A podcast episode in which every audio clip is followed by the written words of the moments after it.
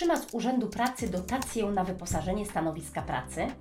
Czy rządzący podniosą obniżony niedawno wiek emerytalny? Rząd zapowiada walkę z zatrudnieniem na czarno. Kto powinien się obawiać?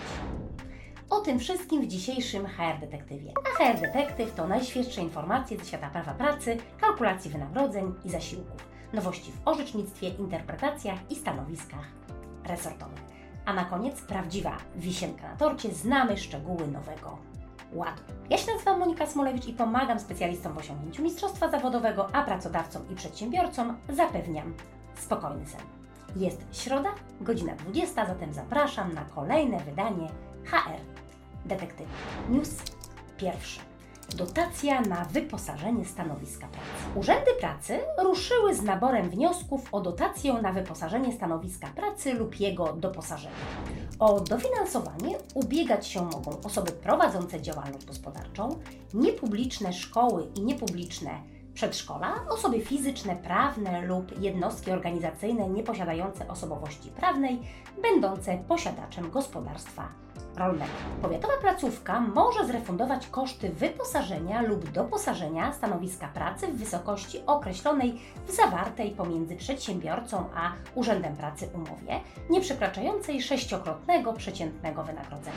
Obecnie maksymalna kwota refundacji przygotowania miejsca pracy wynosi 30 tysięcy złotych. Przedsiębiorca musi samodzielnie pokryć koszty wyposażenia lub doposażenia stanowiska, a następnie składa wniosek do Urzędu Pracy. Należy go złożyć przed zatrudnieniem osoby bezrobotnej. Bardzo jestem ciekawa, czy korzystałaś, korzystałeś kiedykolwiek albo Twoja firma z takiego dofinansowania. Szczegóły refundacji znajdziesz na stronie zielonalinia.gov.pl refundacja kosztów wyposażenia lub doposażenia stanowiska pracy. Może warto pomyśleć o tego typu wsparciu. News drugi. Podwyższenie wieku emerytalnego. A jednak Obecnie wiek emerytalny dla kobiet wynosi 60 lat, a dla mężczyzn 65. W Krajowym Planie Odbudowy rząd zapowiada podwyższenie wieku emerytalnego o kilka lat i planuje wprowadzić zachęty podatkowe do późniejszego odchodzenia na emeryturę. Wysokość podatku dochodowego zostałaby zmniejszona, a kwota wynikająca z obniżki podatku miałaby trafić nie do budżetu państwa, lecz na indywidualne konto emerytalne danej osoby. Mają być również wprowadzone działania aktywizujące osoby 50, które mają na celu pomóc im zdobyć nowe umiejętności i wiedzę, która pozwoli kontynuować pracę albo znaleźć zupełnie nowe zatrudnienia. Założenia reformy mają być gotowe jeszcze w tym roku, a jej wejście w życie zaplanowano na trzeci kwartał 2022 roku. Krajowy Plan Odbudowy został oficjalnie przedstawiony Komisji Europejskiej oraz ratyfikowany przez Sejm. News trzeci. Stopa bezrobocia w czerwcu 2021 roku. Główny Urząd Statystyczny podał kolejne pozytywne dane z rynku pracy. Liczba bezrobotnych w czerwcu po raz pierwszy od miesięcy spadła poniżej miliona. Stopa bezrobocia wyniosła 5,9% i była mniejsza o 0,2 w stosunku do ubiegłego miesiąca. Poziom bezrobocia w Polsce przed wybuchem pandemii, to jest w marcu 2020 roku, wynosił 5,4%. Jesteśmy więc według GUS coraz bliżej tamtego poziomu. Najniższe bezrobocie jest w województwie wielkopolskim 3,5%, a najwyższe w województwie warmińsko-mazurskim. Według Eurostatu w Unii Europejskiej zajmujemy piąte miejsce na liście krajów o najwyższym bezrobociu. Przed nami Holandia i Czechy po 3,3% oraz Malta i Niemcy po 3,7%. Także to są bardzo, bardzo dobre informacje z rynku pracy. Zapraszam Cię również do obejrzenia czy też przeczytania raportu HR-owiec na rynku pracy. Tam zobaczysz, jak atrakcyjne warunki zatrudnienia oraz jak wiele ofert pracy czeka na specjalistów w naszej dziedzinie. News czwarty. Walka z zatrudnieniem na czarno. Ministerstwo Finansów pragnie wspierać legalne zatrudnienie i walczyć z szarą strefą. Rozwiązaniem do zmniejszenia procederu płacenia pod stołem ma być abolicja dla pracownika i sankcje dla pracodawcy. Aktualnie system podatkowy nie sprzyja pracownikom, którzy nie godzą się na pracę na czarno. W razie wykrycia tego procederu, to pracownik musi odprowadzić niezapłacony od swojej pensji podatek wraz z odsetkami. Do tego odpowiada karnie za niezadeklarowanie podatku. Chcemy całkowicie odwrócić tę sytuację, pisze Ministerstwo Finansów dla Rzeczpospolitej. Urząd Skarbowy do walki z nielegalnym zatrudnieniem otrzyma od Ministerstwa Finansów dodatkowe narzędzia. Jakie? Zwolnienie z PIT od uzyskanego dochodu dla pracownika, który przyzna się do pracy na czarno. Nieodprowadzony PIT będzie musiał uregulować wraz z odsetkami jego pracodawca. Pracodawca zapłaci też podatek od minimalnego wynagrodzenia za każdy miesiąc, w którym zatrudniał pracownika na czarno. Dopłacony podatek i sankcje nie będą stanowić kosztów uzyskania przychodu ani w PIT, ani w CIT. Według ostatnich danych Głównego Urzędu Statystycznego w szarej strefie pracuje 880 tysięcy ludzi, czyli 5,4% wszystkich Przypominam, że zgodnie z artykułem 281 Kodeksu Pracy kara za nielegalne zatrudnienie pracowników może wynieść od 1000 do 30 tysięcy złotych. Z kolei za niezgłoszenie pracownika do ZUS grzywna może wynieść 5 tysięcy złotych, jak wynika z artykułu 98 ustawy o systemie ubezpieczeń społecznych. Bardzo jestem ciekawa, jak to jest w Twojej branży, w Twoim rejonie, jakie są Twoje obserwacje, czy faktycznie pracodawcy tak masowo zatrudniają pracowników na czarno? Koniecznie daj znać w komentarzu. News piąty. Segregacja pracowników. Zaczynają się segregacje na pracowników zaszczepionych i niezaszczepionych przeciwko COVID-19. Niektóre sytuacje zakrawają o dyskryminację, np. wyjazdy integracyjne, przebywanie w pracowniczej kuchni, praca bez maseczki czy praca stacjonarna tylko dla zaszczepionych. Pracodawcy uważają, że ich decyzje spowodowane są troską o bezpieczeństwo pracowników. Przedsiębiorcy apelują do rządu o rozwiązania prawne pozwalające firmom kontrolować szczepienia pracowników. Póki co nie jest to jednak możliwe. Szczepienie przeciwko COVID-19 nie jest szczepieniem obowiązkowym. Od nikogo nie można więc wymagać, aby się zaszczepił. Nie może też tego robić pracodawca. Co więcej, nie ma on nawet prawa pytać pracownika, czy się zaszczepił, czy zamierza się zaszczepić. Byłoby to de facto przetwarzanie danych wrażliwych związanych ze sferą prywatności i zdrowia pracownika, które nie jest możliwe bez konkretnej regulacji prawnej. Zgodnie z artykułem 18 z indeksem 3A Kodeksu Pracy pracownicy powinni być równo traktowani w zakresie nawiązania i rozwiązania stosunku pracy, awansowania, dostępu do szkoleń w celu podnoszenia kwalifikacji zawodowych i warunków zatrudnienia.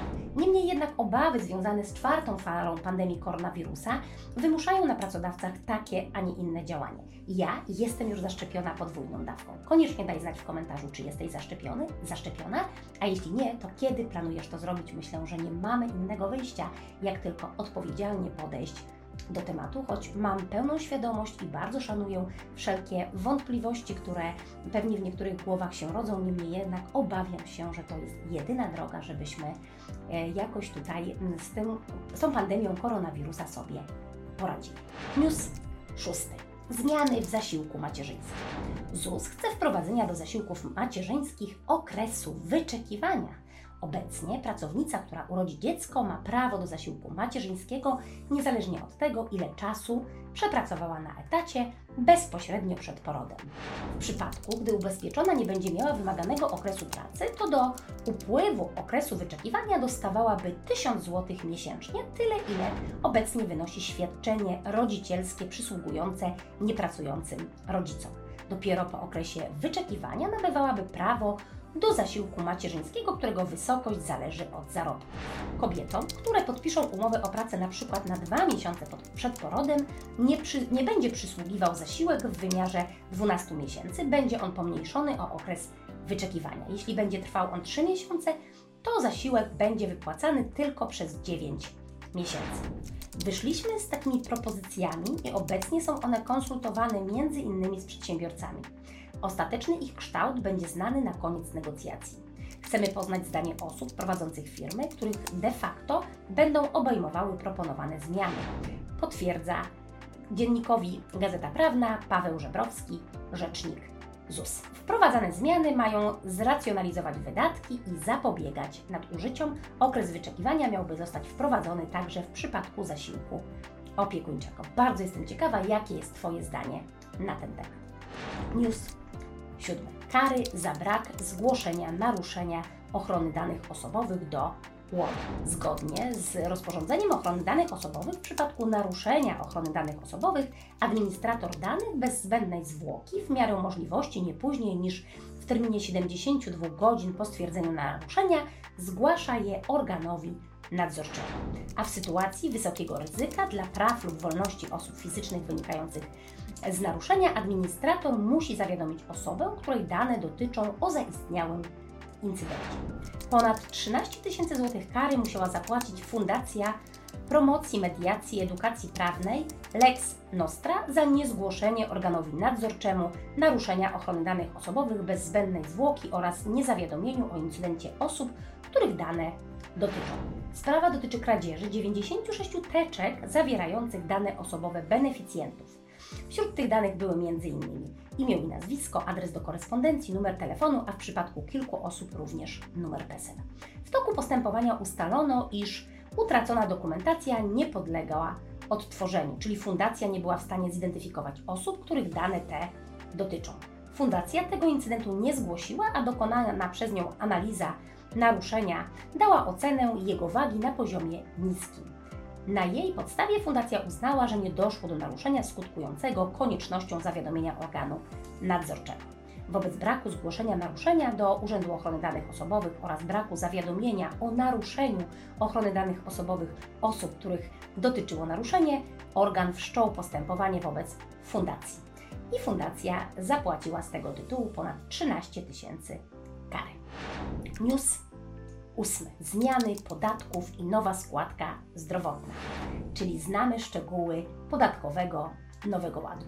Ministerstwo Finansów opublikowało na stronach resortu finansów, jak i Rządowego Centrum Legislacji projekt ustawy podatkowej będącej częścią Polskiego Ładu. Informacje te wzbudziły bardzo dużo kontrowersji i dyskusji w środowiskach podatkowych. A co konkretnie się zmieni i co powoduje takie emocje? PIT-u nie będą płacić osoby najmniej zarabiające i prawie 70% emerytów. Podniesienie kwoty wolnej od podatku z 8 do 30 tysięcy złotych, podniesienie pierwszego progu podatkowego z 85 528 zł do 120 tysięcy, likwidacja odliczenia części składki zdrowotnej od podatku, stawka składki zdrowotnej będzie nadal wynosić 9%, ale nie będzie już podlegała odliczeniu od podatku. Dla przedsiębiorców rozliczających się w sposób liniowy składka minimalna będzie liczona od minimalnego wynagrodzenia pracę. Nie będzie też minimalnej składki zdrowotnej na ryczałcie. W przypadku podatników rozliczających się ryczałtem od przychodów ewidencjonowanych składka zdrowotna będzie wynosić 1 trzecią kwoty należnego podatku.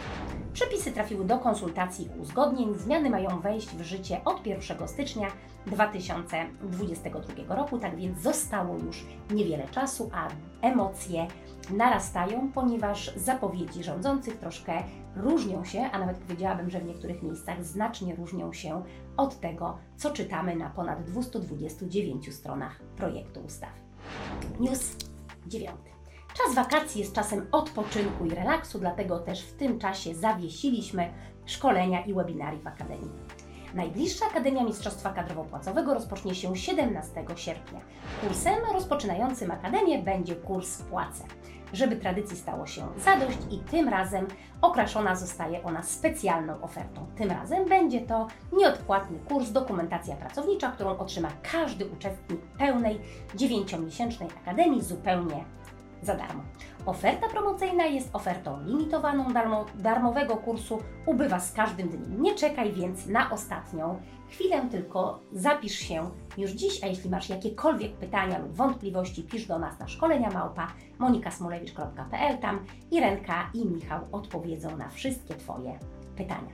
A jeśli Twoją tajną mocą jest śledzenie nowości w orzecznictwie i zmian w obowiązujących przepisach, dołącz do ekipy poszukiwaczy ciekawostek ze świata prawa pracy, wynagrodzeń i zasiłków. Wyniki Twoich poszukiwań prześlij na adres hrdetektywi.małpa monikasmolewicz.pl Skontaktuj się z nami i daj się poznać tysiącom czytelników mojego bloga.